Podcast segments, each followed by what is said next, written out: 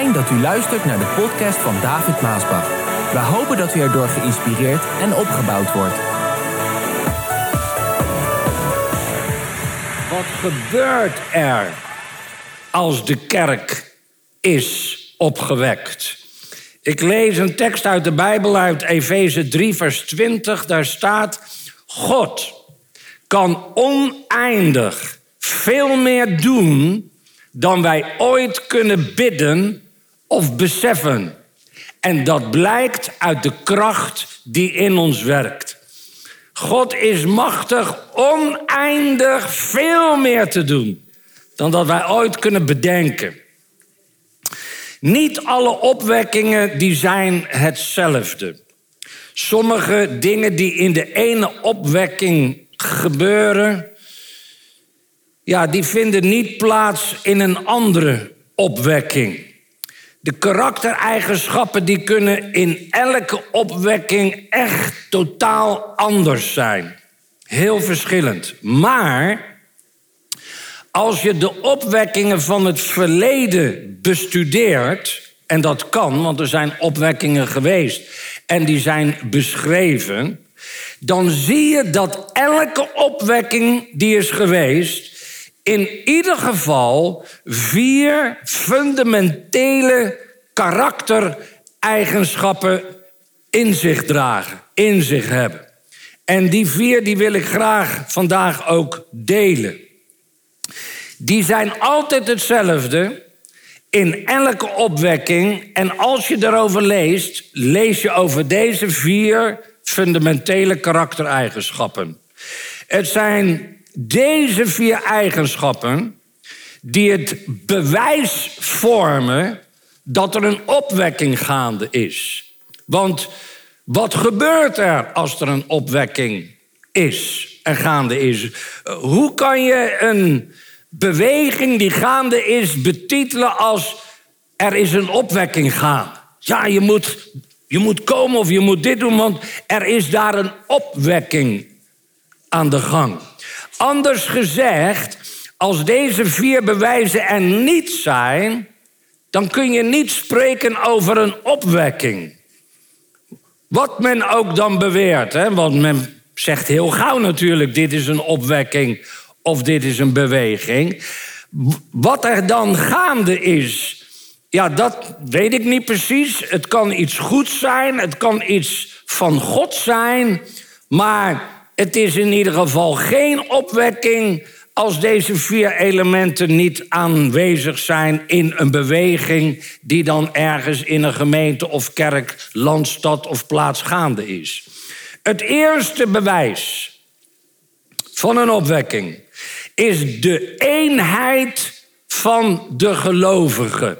Kan u zeggen de eenheid van de gelovigen? Ja, dat is het eerste bewijs. Een helder bewijs dat er in de kerk een opwekking nog ver weg is, is een gebrek aan eenheid onder de gelovigen. Als er een gebrek is aan eenheid in de kerk onder de gelovigen, dan is een opwekking nog ver weg. Een opwekking die wordt toegeschreven aan een bepaalde groep van christenen. Als men spreekt over een opwekking, dan onderkent die zich dat de mensen van die groep, luister wat ik nu zeg, geheel en al onder de dominante invloed en leiding staan van de Heilige Geest van God. Hoor je dit? Daar waar een opwekking gaande is, daar staan die mensen, die christenen, die staan onder de dominante leiding van de Heilige Geest. Als dat het geval is, dan is het resultaat altijd eenheid. Altijd. Eenheid onder de gelovigen in Christus. Toen Jezus naar deze aarde kwam, deed hij twee dingen. Eén, hij verdeelde de mensen in twee groepen. Dat waren degenen die in hem geloven en dat waren degenen die niet in hem geloven. En het tweede wat hij deed is, hij bracht allerlei soorten van mensen bij elkaar. Allerlei soorten. Tot één lichaam. Ofwel de kerk, waarvan hij het hoofd is, zegt de Bijbel. Jongens en meisjes, mannen en vrouwen uit alle lagen van het volk, uit alle rangen en standen van het volk, uit alle rassen. Alles bracht Jezus bij elkaar. Efeze 2, vers 14 zegt, want Hij zelf is onze vrede. Hij heeft u en ons tot één volk gemaakt door de muur van vijandschap die tussen ons instond af te breken. Mooi is dat, hè? Jezus heeft de muur die tussen ons instond afgebroken. Mensen die anders onder elkaar verdeeld zijn, met allerlei opgetrokken muren die scheiding maken, worden door het bezield zijn van de Heilige Geest van God tot een eenheid in Christus gemaakt. Prachtig woord, eenheid. Wanneer christenen oprecht wandelen voor Gods aangezicht, zoals in een opwekking het geval is dan zijn de muren die tussen hen scheiding maken door de kracht en de aanwezigheid van de Heilige Geest weggebroken. Muren worden weggebroken. Hierdoor zijn de hindernissen om met elkaar één te zijn weg. Want er zijn allerlei hindernissen, allerlei muren opgetrokken tussen christenen in de kerk. En als die weg zijn, dan kan daar eenheid plaatsvinden. En dan, als die dus weg worden genomen en eenheid kan plaatsvinden, dan ligt de weg open om met elkaar fellowship te hebben. Wat al heel moeilijk is voor een hele hoop. Om met elkaar samen te werken. Ook dat is nodig in een opwekking. Gedurende een opwekking worden de scheidingsmuren van gevoelens, luister wat ik zeg, en emoties weggebroken. Gevoelens en emoties kunnen scheidingsmuren zijn tussen de kinderen Gods. Als er geen opwekking gaande is, heb je altijd jaloezie en afgunst onder Gods kinderen. Erg hè dat ik dat moet zeggen.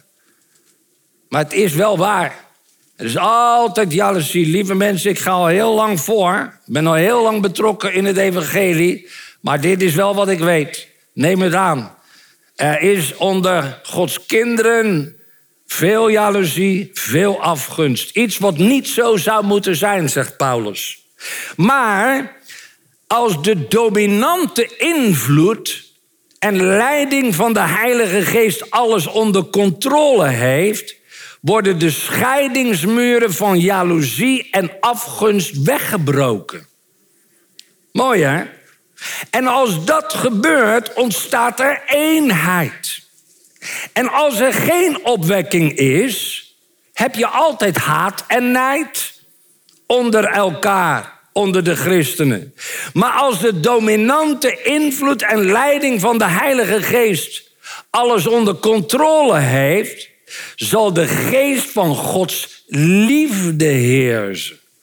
Geen haat, geen nijd, geen jaloezie, geen afgunst. zijn allemaal scheidingsmuren. Die zijn weggebroken. Nee, Gods liefde zal dan regeren. Dat is wat je dan kan voelen. Lieve mensen, jaloezie, afgunst, haat, nijd onder christenen is een. Luister, oh, het is een hele gewone zaak. Hallo. Erg, hè? Als ik dat moet zeggen. Maar het is waar. Ik moet het gewoon benoemen. Het is een hele gewone zaak. Als er geen opwekking gaande is. Je vindt het in elke gemeente. Je vindt het in elke kerk. Je vindt het trouwens overal. Elke sportclub, Elke, in de showbus, in de politiek, in de sportwereld, in de, overal vind je dat. Jammer als het onder Gods kinderen ook is. Ofwel, het komt de kerk binnen.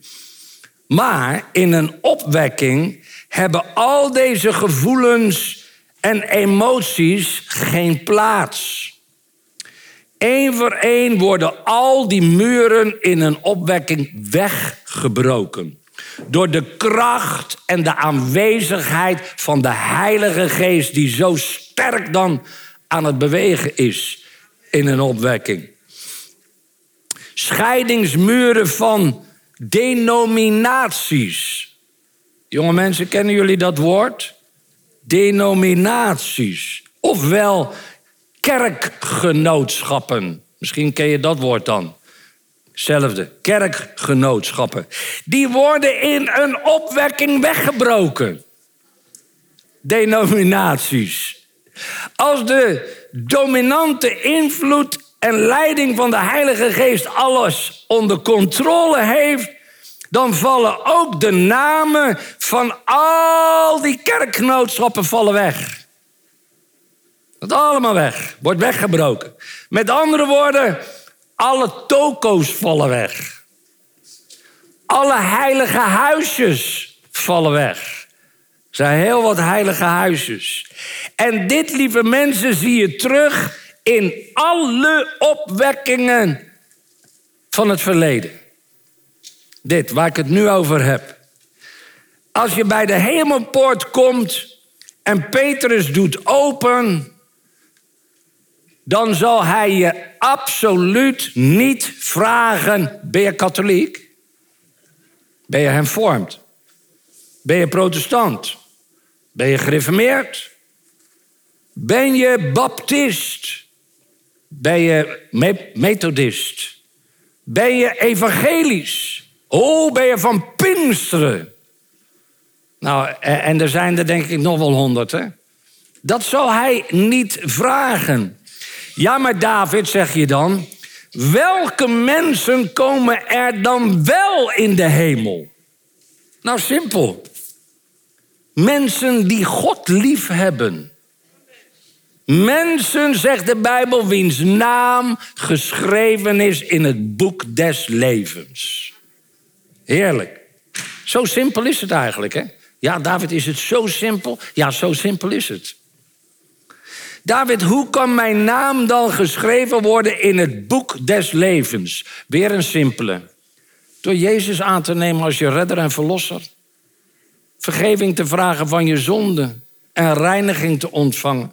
De Bijbel zegt, je naam wordt dan geschreven in het boek des levens. Gaat het dan zo simpel? Ja, het gaat zo simpel. Dat ging niet simpel. Daar is heel wat voor gedaan en een hele hoge prijs voor betaald.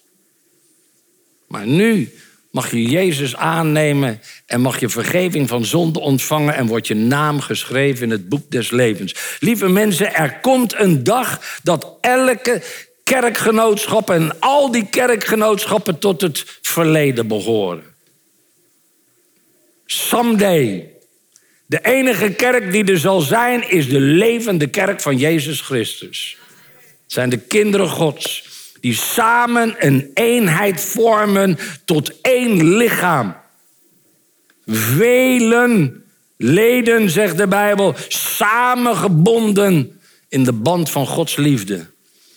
Heerlijk iets.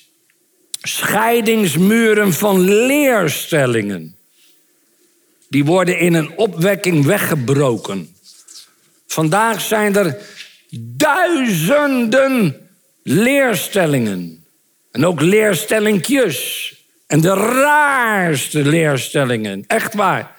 Ik, ik, ik hoor of lees wel eens dingen die in, binnen de kerk plaatsvinden. Dan denk ik, oh, hoe komen ze erbij? Waar halen ze het vandaan? Zulke rare dingen waarvan je totaal niks leest in de Bijbel, het woord van God. Ze zijn allemaal gemaakt door de gedachten van de mens. En die verhinderen dat, Christen, dat christenen één zijn.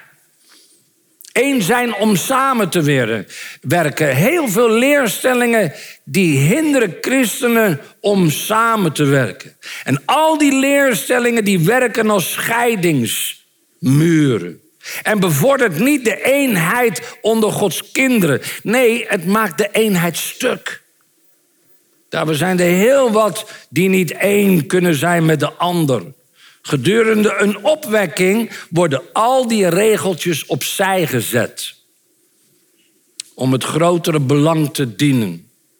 En als er geen opwekking is, dan spelen al die regeltjes een hele grote rol. Zelfs de kleinste regeltjes spelen dan een hele grote rol, waardoor mensen niet samen kunnen werken.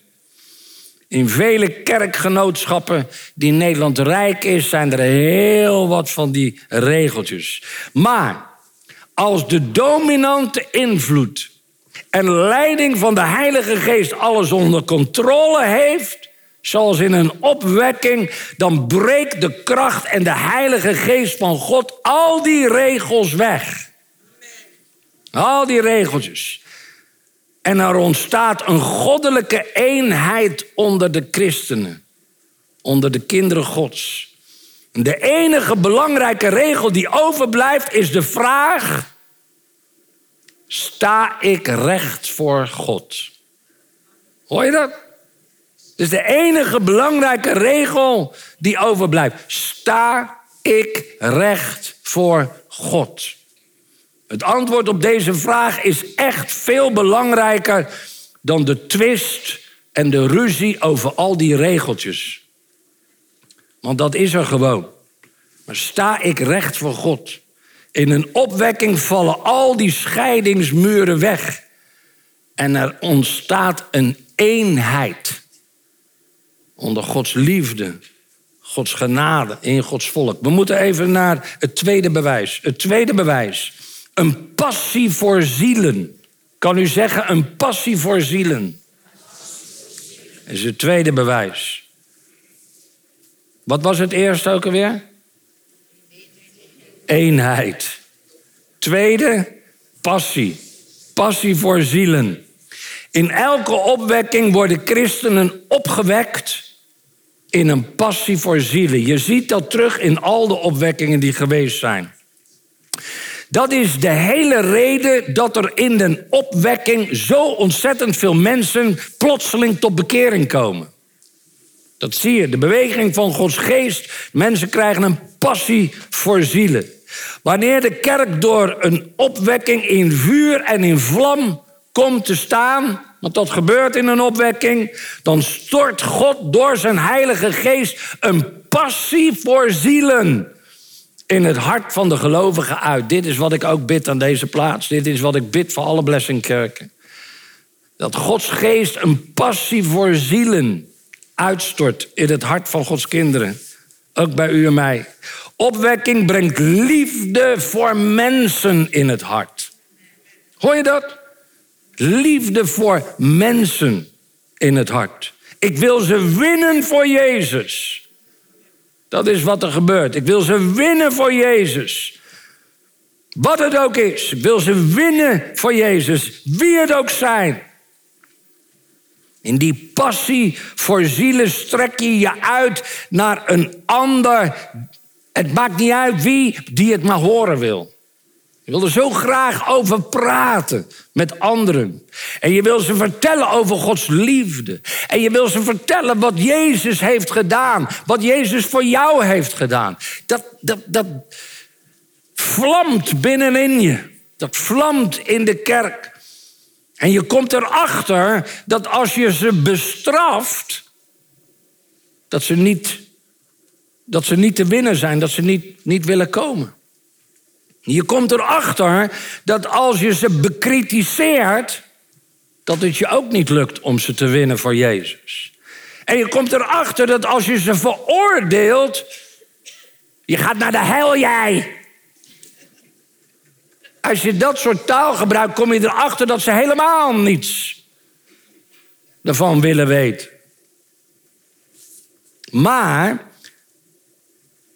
als je hen kan overtuigen dat God hun lief heeft en dat jij hen lief hebt, nou, dan is het halve werk al gedaan.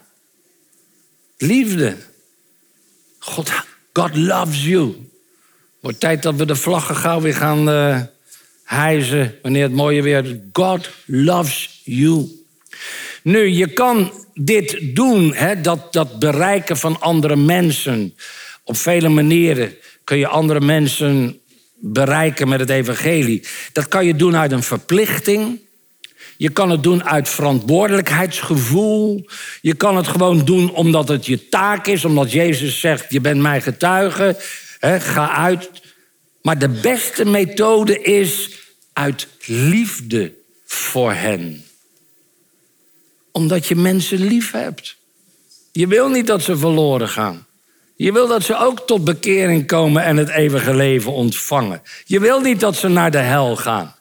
Het succes, hoeveel mensen jij tot Christus brengt, dat hangt af van het feit hoeveel liefde jij voor hen hebt. Daar hangt het van af. Hoe meer liefde, hoe meer vrucht je zal dragen. Als er geen passie voor zielen is, dan is er geen opwekking gaan. Er kan iets gaande zijn, kan iets goeds gaande, maar niet een opwekking. Daar moet passie voor zielen bij zitten. Het derde bewijs, een brandend getuigenis. Dat zijn werk doet wanneer je gaat getuigen, wanneer je gaat spreken over wat Jezus voor je heeft gedaan en wie God is.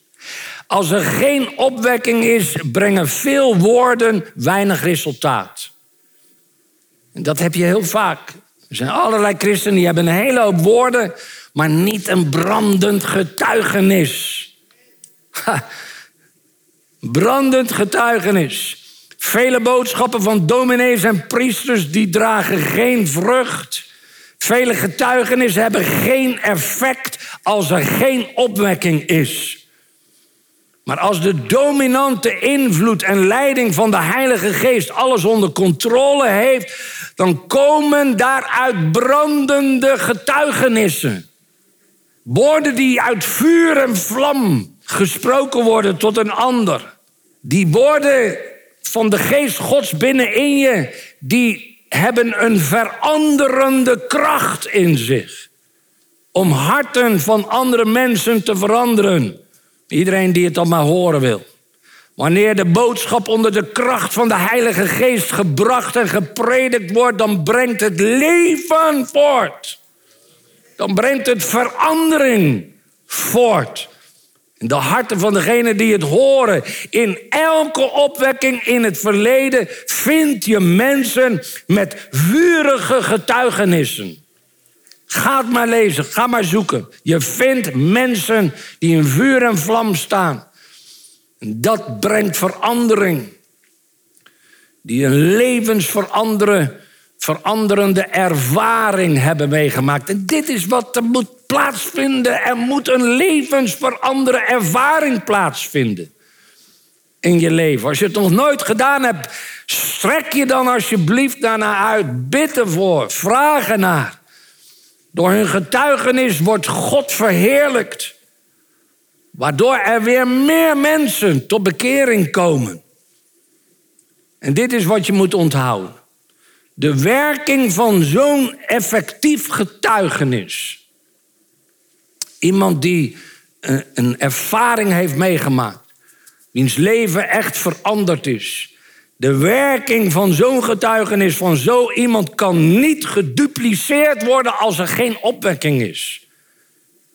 Je hoort het dan en het doet je wat, maar je kan het niet dupliceren waardoor jij ook dat brandend getuigenis hebt. In het elfde hoofdstuk van Johannes, daar lees je dat Jezus zijn vriend Lazarus uit de dood had opgewekt. En het nieuws hierover dat verspreidde zich als een vuurtje. Het kwam ook bij de kerkleiders in die tijd terecht. En die waren door hun jaloezie en afgunst daar helemaal niet blij mee. En ze besloten om Jezus te doden. En dan zes dagen voor Pasen gaat Jezus weer naar Martha en Maria en Lazarus. En vele mensen komen dan kijken, vertelt de Bijbel. Want zij willen niet alleen Jezus zien, zij willen ook Lazarus zien. Waarvan ze gehoord hebben dat Jezus die heeft opgewekt uit de dood. En nu hadden de kerkleiders een nog groter probleem. Want de mensen zagen niet alleen Jezus, maar zij zagen ook Lazarus die uit de dood was opgewekt. Ofwel een levend getuigenis. En toen ze dat hadden gezien, de mensen die kwamen, gingen ze heen. Gelovende in Jezus Christus, de Zoon van God. Prachtig.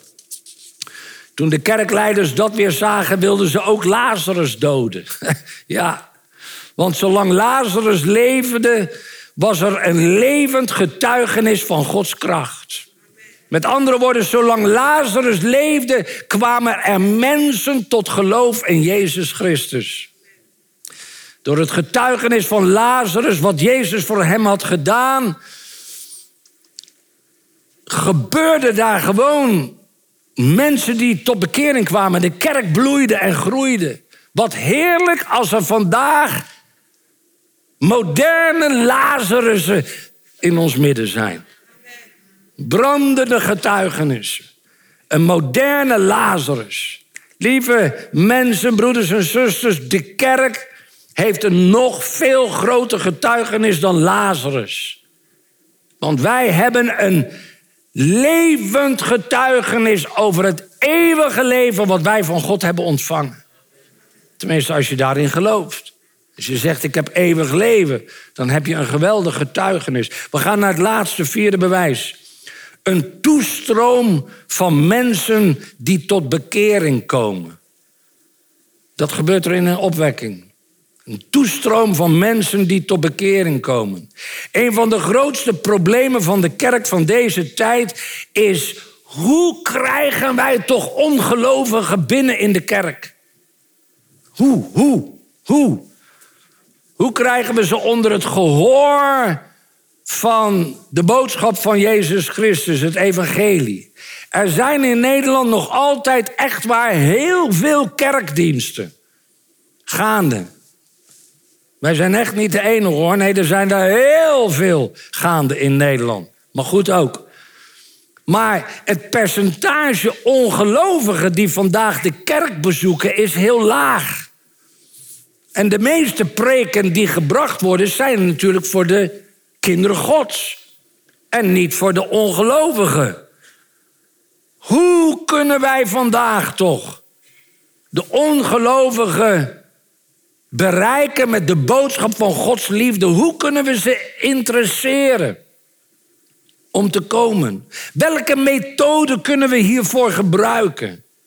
Welke programma's kunnen we hiervoor bedenken? Welke advertenties moeten we hiervoor ontwerpen? Wie moeten we uitnodigen in de samenkomst om die ongelovigen binnen te halen? Dit zijn ik weet zeker dat er een heleboel voorgangers en leiders zijn die aan deze dingen denken.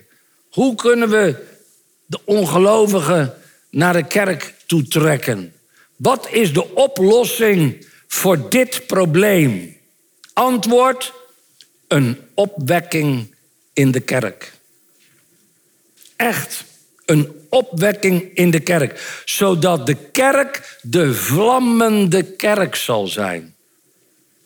Dan gaan al die dingen gaan, gaan, gaan in beweging komen. De eenheid, die, die, die scheidingsmuren die worden afgebroken. Er komt een eenheid, er komt een kracht, regels vervallen. Er komt een passie voor zielen. Mensen vertellen, praten erover. En als dat allemaal gebeurt, dan worden mensen geïnteresseerd. Joh, wij moeten daar toch ook eens gaan kijken. Vind je ook niet? Zullen we eens gaan kijken wat daar allemaal gebeurt? En zo komen mensen in aanraking met het evangelie en begint die opwekking door te werpen, werken. Lieve mensen, dit zijn de vier bewijzen van een opwekking in de kerk. Laten we vandaag met niets anders tevreden zijn dan alleen een opwekking. En daarom bid ik vandaag, God van opwekking, hoor ons gebed. In uw machtige naam, o Heer, wees ons genadig. Vergeef onze zonden en zend ons een stroom van zegen, Heer. God van opwekking, zie ons hart. En was het rein door het bloed van het lam. Laat door het branden van uw heilig vuur ons geweten geheel en al gereinigd zijn. God van opwekking, maak ons één in het werk dat u ons gegeven heeft te doen. Help ons bidden en vol te houden tot het eind. God van opwekking, u heeft ons lief en bent liefde zelf. Herstel in ons hart de blijdschap, de vreugde, de vrede en de rust. En stort uw geest uit zoals voorheen. En sterk ons hart, o Heer. God van opwekking, schenk ons alstublieft dit.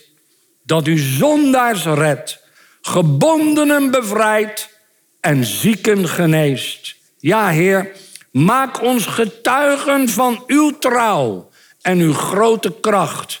Maar bovenal, hoor vandaag ons oprecht gebed. Amen.